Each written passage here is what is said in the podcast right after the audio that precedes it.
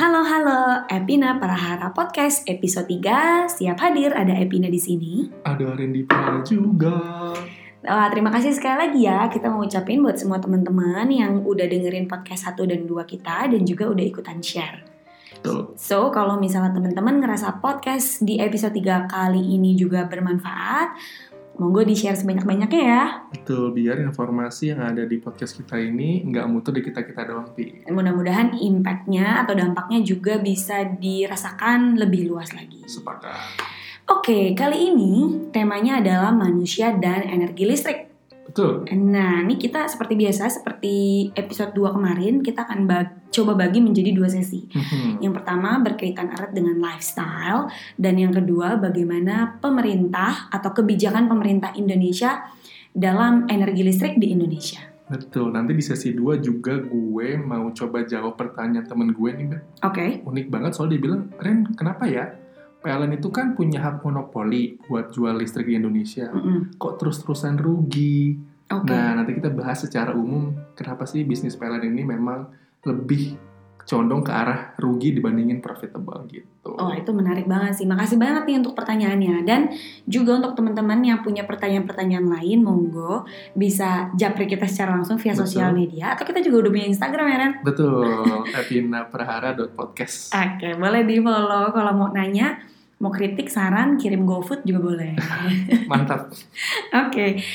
Kalau gitu, nah sesi satu ini sebelum kita bahas soal lifestyle nih dalam Mhm. hal energi listrik konteksnya, ini ada satu kemarin yang sempat booming nih sebelum pemilu di Indonesia.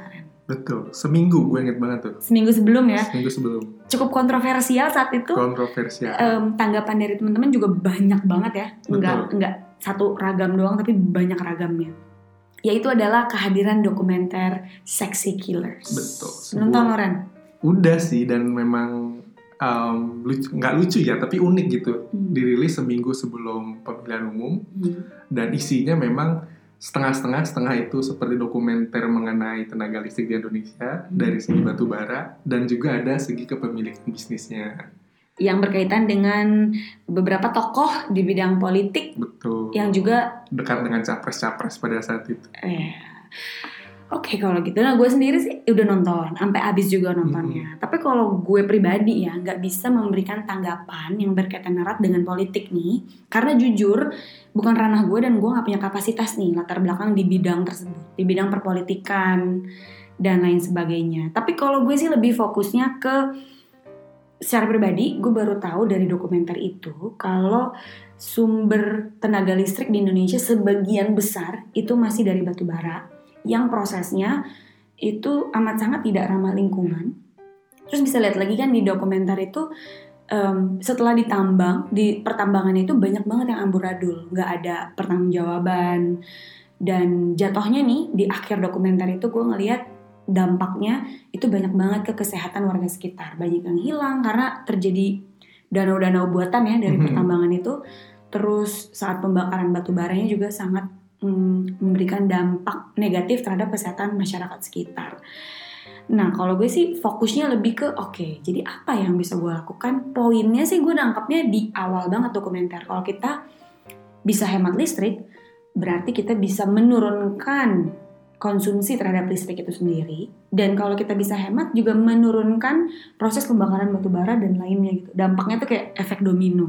Betul. Mengesampingkan isi filmnya di di bidang perpolitikan ya Mhm. memang juga gue setuju bahwa apa yang digambarkan dalam film Sexy Killers dalam proses pembangkit listrik tenaga uap atau PLTU dan batubara itu cukup em, apa ya menegangkan karena ditunjukkan adalah proses di mana banyak warga yang sakit Mhm. eh, pernapasan, betul banyak warga yang kehilangan tanah tanpa kompensasi Mhm. dijelaskan ya.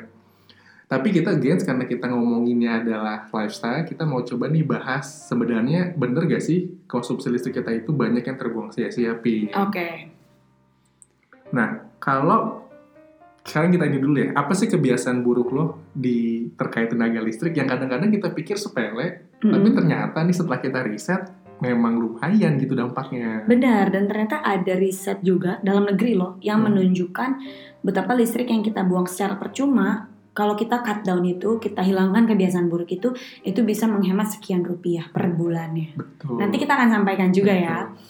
Em, kalau gue nih Ran ya, yang sering kebuang percuma itu bukan selama di London sih, selama di Indonesia em, sering banget nyalain TV, pasang timer, jadi gue pengen tidur duluan sebelum TV-nya mati. biar ada temennya ya nggak nggak mau sendiri jadi ada suara-suara baru tertidur Iya.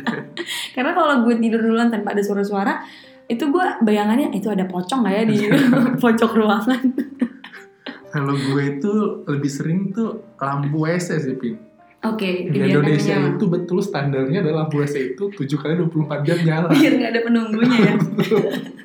jadi dari pagi ke pagi dan malam kalau mau misalnya kebangun mau pipis gitu kan nggak takut karena udah nyala jadi nggak kaget ketika nyalain lampunya Lu juga nggak lari kenceng-kenceng Betul. gitu dari kamar ke kamar mandi kan. Itu sebenarnya boros banget ya.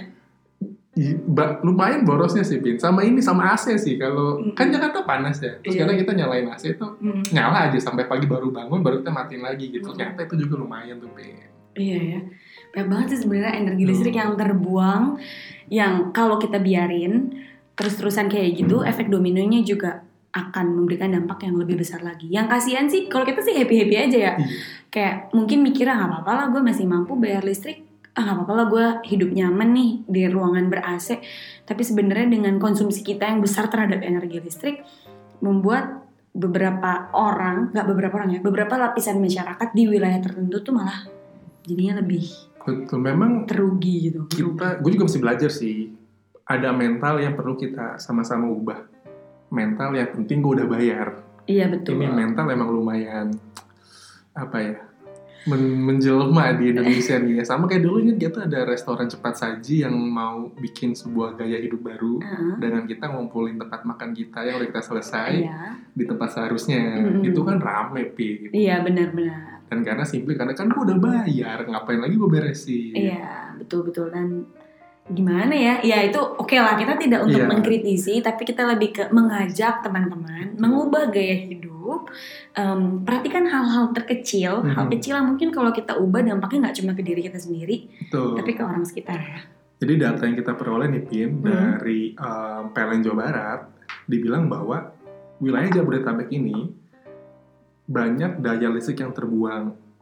Nah, daya listrik yang terbuang dari cuma charger nih, Pin. Kita kan sering banget nih ngecas Mm. colokan. Gue dulu sama nih, gue juga uh, kebiasaan buruk sih. Kalau gue Hmm. dulu di kantor punya tiga charger. Satu buat di ruangan, Hmm. satu di kosan, satu di bawah mana-mana. Udah dua charger itu selalu nempel tuh di saklarnya. Kayak udah di situ aja. Situ aja biar nyoloknya gampang, cabut gampang kan. Mm. Ternyata Pin, kalau semua orang satu charger sejabodetabek melakukan hal itu, daya listrik yang terbuang itu Pin sama dengan daya listrik yang bisa digunakan untuk menerangi satu desa tertinggal Pin. yang which is kita selalu pakai kata which is ya yang which is dalam apa ya istilahnya dalam perkembangan di Indonesia sendiri kita masih sangat membutuhkan energi listrik tersebut untuk menerangi desa tertinggal Betul. Jadi daya dan upaya PLN yang harusnya bisa dipakai buat daerah lain itu kesedot sama terserah di Jakarta di Jabodetabek ini sama kebiasaan kita yang contoh tadi si saklar listrik di charger itu sendiri. jadi kita sih lebih ke oke mungkin kita merasa tidak masalah nih ah gue mampu bayar Betul. tapi sebenarnya alokasi listrik yang dimiliki oleh negara kita itu kan masih terbatas ya Betul. hitunglah eh, segini nih sebesar ini gitu untuk bisa mengaliri beberapa daerah di Indonesia. Tapi karena kebanyakan kesedot ke Jakarta, si kapasitas itu tersedot Betul. dan jatuhnya PLN tidak bisa mengekspansi untuk menerangi desa-desa tertinggal. Betul. Jadi ya seperti yang lo bilang tadi mayoritas hampir lebih dari tiga- 35% pembangkit listrik di Indonesia itu PLTU. Hmm. Dan semuanya itu dipakai untuk mengaliri Jawa dan Bali. Oke. Mayoritas. Jadi kalau teman-teman di Medan sering dulu protes tuh sering biarpet biarpet. Hmm. Jadi kalau Biar apa tuh? mati lampu bu, Oke. Jadi kayak lagi lagi kerja mati lampu nyala lagi mati lampu nyala lagi. Itu karena nggak stabil pasokannya. Salah, karena mayoritas pasokan itu di Jawa dan Bali. Mm-mm. Jadi grid terbesar Indonesia itu dipakai buat um, memenuhi kemamp sorry, keinginan konsumen di Jawa dan Bali. Karena saking besarnya. Saking besarnya. Seandainya kita bisa hemat dari level individu, dana yang dipakai PLN buat terus-terusan supply Jawa dan Bali akan berkurang. bisa berkurang dan, Dan? dialokasikan ke daerah-daerah lain. Oh, jadi lebih ke oh gue aware nih, gue nggak usah boros-boros deh, supaya gue mendukung gerakan atau mendukung kebijakan pemerintah Mhm. dan PLN dalam hal ini juga melebarkan sayap ke wilayah-wilayah lain ke Sumatera, Kalimantan, Sulawesi dan teman-teman pasti sering dengar kan kalau per- pengembangan eh, atau penerangan listrik di wilayah timur Indonesia tuh masih kurang dibanding di wilayah barat. Betul. Dan dengan kita berhemat di Pulau Jawa, di Jakarta khususnya, kita cukup mendukung PLN Betul. untuk menerangi wilayah timur Indonesia. Nah, em, sekalian juga nih kita kan sering banget ngomong apa sih manfaat ekonomi buat kita buat hemat listrik. Nah, dari data yang kita rili- dirilis oleh liputan6.com itu ternyata kalau kita mengganti lampu pijar menjadi lampu yang LED dan menggunakannya dengan baik dan hemat, itu bisa loh kita hemat sampai 9 watt per hari. Mm-mm. Nah itu kalau dikonversi ke uang itu, wah kita bisa hemat sampai 176 ribu rupiah Pin, per bulan Itu lumayan banget loh dari lampu loh. Cukup mengganti lampu dan menggunakan dengan bijak. Itu lumayan banget sih. Lumayan banget. Apalagi buat kita yang udah kerja kan ya kalau gua ngekos memang udah all in. Cuma Hmm. buat teman-teman yang punya rumah sendiri atau mungkin yang kosannya pakai Iya. di luar bayar listrik yang lo harus beli tok token Yang sendiri. kayak prepaid gitu. Betul. Ini bisa bermanfaat banget. Itu menurut gue itu sangat-sangat em, signifikan ya Mhm. hematnya. Nah, kalau gue nih melihat data yang dirilis oleh Kominfo, Mhm. em, kalau permintaan listrik masyarakat Indonesia itu sebenarnya naik tiap tahunnya. Betul. Jadi kalau pertumbuhan ekonomi di Indonesia ini masih sekitar 5,1 persen, Mhm. pertumbuhan konsumsi listriknya justru terus meningkat dengan Mhm. rata-rata 7 persen per tahun. Tuh, sebenarnya gini Pin, kalau konsumsi listrik naik itu suatu pertanda negara itu lagi berkembang dan maju. Oke, Dengan asumsi permintaan itu merata di seluruh wilayah negara tersebut, Pin. oke, Jadi masalah adalah permintaan kita tuh besar, tapi terpusat di Jabodetabek, Pin. oke. Itu jadi salah. Jadi secara makro memang menggambarkan permintaan listrik perkembangan positif nih. positif. Tapi kalau secara mikro ternyata kita ini salah karena semua terkonsentrasi di Jawa dan Bali, Pin. Bukan merata. bukan merata. Jadi kalau lo kurangi Hmm. konsumsi lu di Jabodetabek itu tidak menghalangi pembangunan listrik. Jangan bilang sampai wah kalau nanti permintaan berkurang ya PLN ini dong nggak berkembang dong salah justru karena Iya. kita mau mendistribusi pemerataan betul. Nah, berarti balik lagi tuh, kalau misalnya kita nih yang berada di Jabodetabek, di Pulau Jawa dan Bali bisa mengurangi atau down penggunaan kita, Mhm.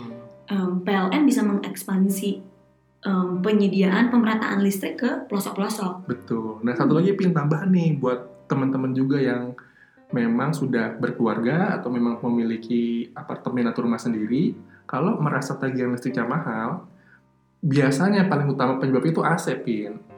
Oke. Jadi kalau lu nyalain AC sebelum tidur dan taruhlah tidur 6 sampai 8 jam kan, Mm. itu di suhu 18 sampai 20 derajat, itu kira-kira biayanya mencapai 350.000 ribu per bulan pin. Oke, berarti paling banyak tuh AC, AC ya. sebenarnya gitu. Jadi kalau lu mau menghemat caranya gampang. Satu, Ganti lampu tadi pertama. betul. Kedua, atur suhu AC lu itu dari di 23 sampai 25 derajat. Jadi jangan terlalu dingin banget betul. juga. Karena itu nyedot banget. Mhm. Sama kalau bisa pakai timer pin. Oke. Jadi kalau jam 10 mau tidur, lu set jam 12 AC AC ma- otomatis mati. Jadi ketika lu bangun itu AC dalam keadaan mati gitu. kalau ber- gerah ya bangun aja terus Nyalain nyalain lagi. Memang agak sulit sih kalau AC kadang-kadang kalau orang nggak bisa tidur kalau iya nggak bisa tidur apalagi kalau nggak punya jendela pak. iya Ya kan kayak di apartemen atau di kos-kosan ya nggak ada jendelanya. Kalau AC-nya nggak nyala, ngapa? Tuh, jadi Iya. kalau bisa diatur di suhu tadi pilihannya 23 sampai 25 derajat itu untuk mengurangi beban listriknya. At least kita kalaupun nih belum bisa sepenuhnya kayak dari jam 12 sampai bangun AC, AC dalam keadaan mati, Betul. ya matiin aja di jam 3 subuh gitu Betul. atau jam 4. Istilahnya kita udah mengurangi penggunaan AC listrik. Nah, em, apa ya? Kita punya semangat untuk ngajak teman-teman untuk hemat energi, hemat energi listrik. Ini sejalan dengan programnya Kominfo juga nih Ren. Mhm. yang sebenarnya mungkin udah dari tahun sebelum-sebelumnya ya bukan tahun ini. Karena kok em, Kominfo atau sebenarnya mungkin pemerintah Indonesia secara general ngajak masyarakat untuk hemat energi potong 10% dari penggunaan listrik sehari-hari. Itu di antaranya em, pertama matiin lampu buat lo Ren berarti matiin lampu kamar mandi Semoga gak ada tuyul ya. yang kedua matikan televisi saat tidak digunakan itu buat gue Betul karena sering banget orang youtuber juga, Iya. nyalain TV juga. Iya. Terus eh, mencetak kertas secara bolak-balik fotokopi. Jadi jangan cuma front page aja, jangan satu halaman, tapi bolak-balik. Itu juga ngurangi beban listrik karena lo nggak harus dua kali ngeprint sebenarnya. Benar. Ini em, soal ngeprint ini banyak banget ya. Kayak selain menghemat kertas, Mhm. hemat energi Mhm. listrik, hemat tenaga kita juga, hemat duit juga ya nggak sih? Terus selanjutnya yang keempat, mematikan perangkat elektronik saat tidak digunakan. Ini elektronik apa pun ya, termasuk Apa pun. charger tadi mungkin. Charger, cooker atau pendingin air, aduh namanya apa ya? Dispenser. Dan ini yang sering em, terjadi kalau menurut gue, yaitu pintu kulkas lupa ditutup rapet atau nggak berasa. Betul. Kalau kulkas belum ditutup rapet, karena kayak kita asal kayak jebret gitu kan, ternyata eh nggak nggak rapet gitu. Dan nggak semua kulkas di Indonesia itu udah ada teknologi beeping soundnya. Betul. Jadi kadang-kadang lawas-lawas atau banjir. Iya. Air di bawah banyak. Karena ternyata nggak ketutup dengan sempurna. Iya.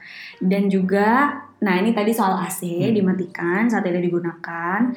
Terus mengatur pendingin suhu ruangan seperti kata lo tadi Ren, dan mengganti lampu ke LED. Betul sekalian terakhir nih untuk di sesi lifestyle ini dulu emak gue selalu bilang nih jangan mainin lampu nanti cepet rusak gitu. Iya. ternyata enggak Pin. jadi teknologi sekarang Hmm. itu kalau lu nyala dan matikan lampu secara reguler itu tidak merusak atau tidak Lampunya. mengurangi umur daya dari lampunya Hmm. jadi Oke, jadi sebenarnya nggak apa-apa nih. nggak apa-apa Jadi jangan khawatir maksudnya jangan untuk khawatir mati nyalain lampu gitu, seperlunya seperlunya. Ada lagi nggak yang mau ditambahin Ren? Kayaknya itu kali ya buat lifestyle, lifestyle.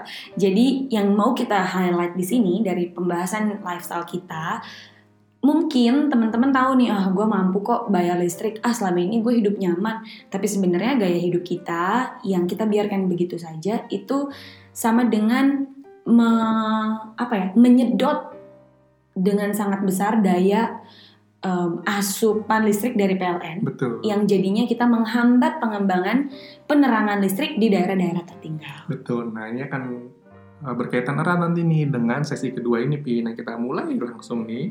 Yaitu, Jadi, Mm, mengenai kebijakan pemerintah di sektor listrik. oke. Jadi, setelah film Sexy Killers ini rilis, Mhm. jadi banyak pertanyaan apakah Indonesia mampu nih, Pin, mengganti sumber daya utamanya Mhm. dari batu bara atau PLTU ke pembangkit listrik energi terbarukan Oke. yang merupakan energi bersih. Mhm. gue harus akui nih berdasarkan pengalaman gue kerja, terus gue riset dan sampai gue kuliah sekarang, Indone- Indonesia itu salah satu negara dengan potensi energi baru dan terbarukan yang sangat besar, Pi. Contohnya apa sih Ren? Satu, eh, kita ini kan dikelilingi oleh eh, gunung api, Mhm. jadi kita punya potensi pembangkit listrik panas bumi atau geothermal. Kedua, kita ini dikelilingi, eh kita ini terletak di dua samudra. Jadi secara eh, tenaga angin Juga kuat. juga kuat. Jadi dulu gue pernah bantu proyek um, tenaga pembangkit tenaga angin di Jeneponto. Mhm. Itu dulu temen gue ngerekam site-nya si daerahnya. Itu dengan HP aja kedengeran suara angin Pi. Wow. Saking gedenya, saking kencangnya si angin itu bisa dipakai jadi pembangkit listrik. Juga buat uh, pembangkit listrik tenaga surya karena kita kan tropis pin, Mhm. panas sepanjang tahun. Uh, Rata-rata uh, mendapat cahaya matahari yang cukup kuat sepanjang tahun ya. Betul, jadi potensinya memang besar sekali. Pertanyaannya, mungkin nggak nih kita pindah ke energi baru dan terbarukan? Mhm. Jawabannya susah-susah gampang, Pi. Berarti bayangan susahnya. Banyak kan susahnya. Nah, karena terkait juga dengan bisnis PLN tadi, menjawab pertanyaan temen gue. Hmm. Karena dia anak ah, bisnis nih, Pi. Dia Hmm. kerja di Google, terus dia agak bingung gitu. Kenapa sih PLN rugi mulu gitu? Iya, secara ekonomi kalau lu jualan satu barang, orang Hmm. pasti beli, yang boleh jual lu doang, Uh-uh. logikanya untung dong. Untung karena semua orang makinnya di lo, belinya di lo. Betul, dan lu nggak ada saingan juga. Mhm. yang perlu dicermati itu gini pin biaya investasi energi terbarukan itu hampir mendekati dua kali lipat energi konvensional Oke, mahalnya. mahal. Oke. Karena dia mahal, balik ke konsep bagaimana PLN bekerja. Nah, menurut Undang-Undang Dasar 1945, hal-hal yang berkaitan dengan halayak banyak itu harus dikuasai oleh negara, Pin. Oke. Nah, energi ini kan berkaitan dengan halayak banyak nih. Mm-mm. Makanya harus dikuasai oleh negara, dan dalam hal ini PLN sebagai BUMN ditunjuk. Mm-mm. Tapi di satu sisi juga PLN ini tidak boleh memberatkan rakyat ya. Jadi harga jual listrik yang dibeli ke PLN ke konsumen rumah tangga seperti kita ini tidak boleh membebani keuangan masyarakat. Jadi nggak boleh terlalu mahal. Nggak boleh. Hmm. Karena kalau terlalu mahal orang nggak bisa beli listrik. Mm-mm. Nah, gambaran gambangnya adalah kalau gua uh, produksi listrik seribu rupiah, harusnya gue jual berapa? Eh, 1200. Seribu ratus kalau mau untung. Kalau minimal seribu Iya. buat gue BP Paling nggak balik modal. balik modal. Kan nyatanya nggak gitu, Ben. Mm-mm. Jadi PLN ini ada dua cara nih. Satu dia punya pembangkit sendiri, dua dia beli dari pembangkit listrik swasta. Oke. Namanya itu Independent Power Producer atau IPP. Tadi naik konsep besar gitu, Pin. Mm. PLN ini buat produksi 1 megawatt sekian rupiah. Tapi yang dijual ke masyarakat itu di bawah harga produksinya. Oke, jadi istilahnya kayak jual rugi lah. Jual rugi. Karena demi me- menerangi masyarakat Indonesia. Betul. Makanya sering banget lo baca berita PLN merugi dan disubsidi pemerintah. Hmm. Nah, salah satu program pemerintah itu adalah mengurangi subsidi listrik.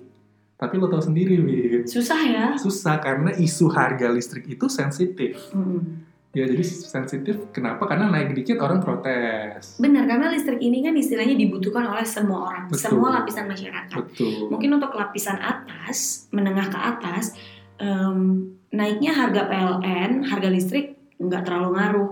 Tapi untuk kalangan bawah dan juga sektor eh, industri rumahan Mhm. itu ngaruh banget. Betul. Ya kalau kita yang pendapatannya ini harga itu kan relatif ya. Hmm. Buat kita mahal, belum tentu buat orang lain mahal. Buat kita murah, belum tentu buat orang lain murah. Betul. Kalau lu beli celana dalam aja Supreme, ya mungkin lu nggak akan kerasa naik cuma 500 rupiah gitu. ya kan? Iya, Tapi kalau orang-orang yang dependent sama listriknya besar, tapi Hmm. kemampuan ekonominya sederhana, kan lu nggak bisa serta-merta naikin tarif dasar listrik. benar, benar, benar. Jadi kenapa merugi? Jawabannya itu pin bahwa memang bisnis PLN itu harus mementingkan layanan ke masyarakat.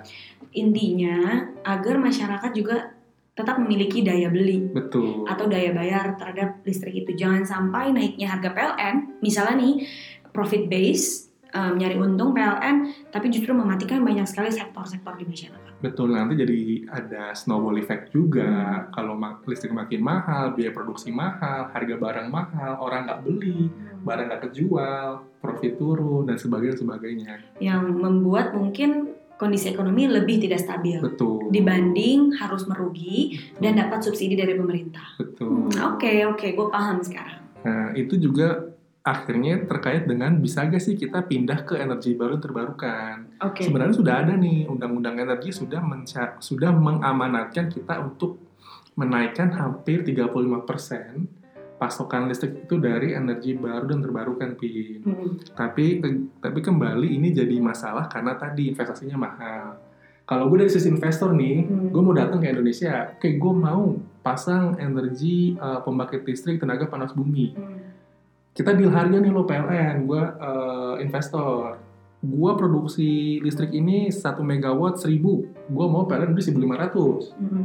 Lu bilang, eh gue gak punya duit bu, Hmm. eh gue bisa paling beli 1100. Nggak ketemu deh tuh pak. Iya, jadi itu yang membuat susah ya. Betul, jadi investor agak males datang karena Nggak, kita nggak mampu beli. betul nggak profitable nih dari sudut pandang mereka. Heeh. PLN nggak punya kemampuan untuk beli dari gue. Dari investasi. Betul. In- opsi yang lain adalah PLN bikin sendiri. Mm-mm. Lebih mahal lagi bu, karena kita belum punya teknologinya. Iya, kita harus balik lagi, kita harus beli dari luar. Betul. Terus instalasinya mungkin Betul. mem- membutuhkan waktu proses yang panjang dan dari proses itu biayanya juga luar biasa Betul, besar. belum ada teknisinya, belum maintenance-nya, jadi memang kompleks sekali nih. Tapi kita dukung nih, maksudnya gue pribadi, uh, gue kerja di salah satu law firm di Jakarta, itu kita udah membantu proyek pemerintah di ter- energi terbarukan tuh udah lumayan banyak loh, Pin. Hmm. Tiga pembangkit listrik tenaga panas bumi. Oke, di Salah. mana? Itu rata-rata di Sumatera karena Hmm. memang uh, gunung-gunung api yang masih aktif itu di Sumatera rata-rata. Nah, salah satunya adalah uh, di, di desain menjadi pen- uh, pembangkit listrik tenaga panas bumi terbesar di Asia, Pin. Oke. Dua lagi akan ada di um, Sumatera bagian selatan juga di Gunung Kerinci waktu itu. Oke. Jadi pemerintah bukannya juga lepas tangan nih, Pin. Bukan, tapi justru kayak sedikit demi Jadi, sedikit betul. kita berusaha menambah em, sumber-sumber energi listrik Mhm. ke sumber terbarukan. terbarukan yang less pollution juga lebih quote unquote ramah lingkungan, Hmm. aman buat masyarakat. sustainable juga Sustainable. karena kita punya te- punya Betul. tenaganya gitu punya sumbernya Betul. oke gue paham sekarang Ren berarti karena istilahnya nih ya pemerintah masih merangkak lah perlahan-lahan menuju ke hal yang lebih baik dan lebih positif kita juga nggak serta merta langsung otomatis meninggalkan PLTU dari batu bara itu sendiri Betul. pertanyaan gue Ren berarti nih bukan pertanyaan sih Hmm. lebih ke asumsi gue nih pemerintah masih mempertahankan PLTU dari sumbernya itu sendiri batu bara karena kita punya pasokan batu bara yang cukup besar Mhm. jadi istilahnya dari sumbernya pun cukup murah untuk membangkitkan listrik dari Betul. PLTU Jadi PLTU ini juga kompleks pin karena dia juga menggerakkan ekonomi di sektor tambangan. Hmm. Jadi perusahaan-perusahaan tambang daerah punya market untuk memberikan atau menjual batu baranya ke pemerintah langsung. Jadi daripada ke Oh. luar Hmm. dijualnya, kenapa nggak dimanfaatkan sama pemerintah? Tapi jadi kalau memang yang kalau kita lihat lagi film Mystic Killers kan disoroti itu adalah sebenarnya perilakunya yang salah. Mm-mm. Jadi bekas tambangnya nggak ditutup karena sebenarnya peraturan bilang pin kalau ada lubang itu lo tutup. Kalau lu lo harus punya amdal. oh jadi secara hukum di Indonesia udah udah ada Sudah fondasinya ada ya fondasinya diatur kewajiban perusahaan buat mengurangi dampak lingkungan, termasuk di antaranya adalah masalah lubang, masalah polusi. agar tidak memakan korban Betul. masyarakat sekitar Yang gua tangkap dan gua cermati sebenarnya salahnya di implementasinya. oke Jadi kalau yang salah itu di implementasinya, maka yang perlu dikuatkan sama pemerintah adalah sektor pengawasan dan penegakan Pin. Hmm. Kalau dari PLTU-nya memang tidak seramah lingkungan energi baru dan terbarukan, tapi memang saat ini harus harus diiakan, tidak bisa dipungkiri pembangkit listrik yang murah bisa memenuhi permintaan konsumen Hmm. dengan standar yang cukup. Misalnya permintaan Jawa dan Bali itu 10 gigawatt seminggu. Hmm. Mungkin listrik dari tenaga angin dan dari tenaga panas bumi itu nggak bisa ngasih, Bin. Oke. Kalau batu bara bisa ngasih. Oh, I see. Jadi pelan-pelan nih, termasuk kita mengurangi konsumsi, seperti Mhm. sesi satu tadi, kita juga membantu pemerintah untuk mendukung gerakan pemindahan ke energi terbarukan. Jadi istilahnya kita pun transisi Mhm. untuk menjadi pribadi yang lebih hemat betul, penggunaan listriknya, betul, mendukung pemerintah juga untuk transisi dari penggunaan PLTU yang saat ini kita yakin mungkin belum cukup ramah lingkungan, Mhm. baik dari prosesnya, penggaliannya, tambangnya sampai di em, dampaknya ke asap dan lain-lain Mhm. sebagainya. Transisi ke itu tadi sumber energi listrik terbarukan. terbarukan. Ah, Tuh, nah kebetulan salah satu teman kita, em, jadi kita berdua alhamdulillah dapat beasiswa nih dari pemerintah dari APDP.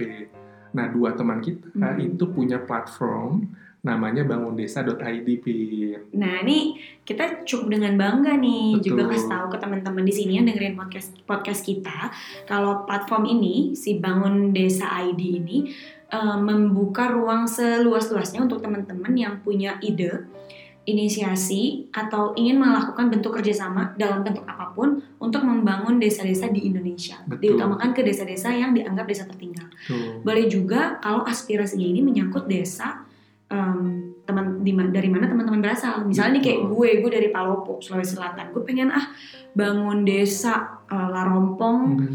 em, untuk membangun solar panel Betul. misalnya.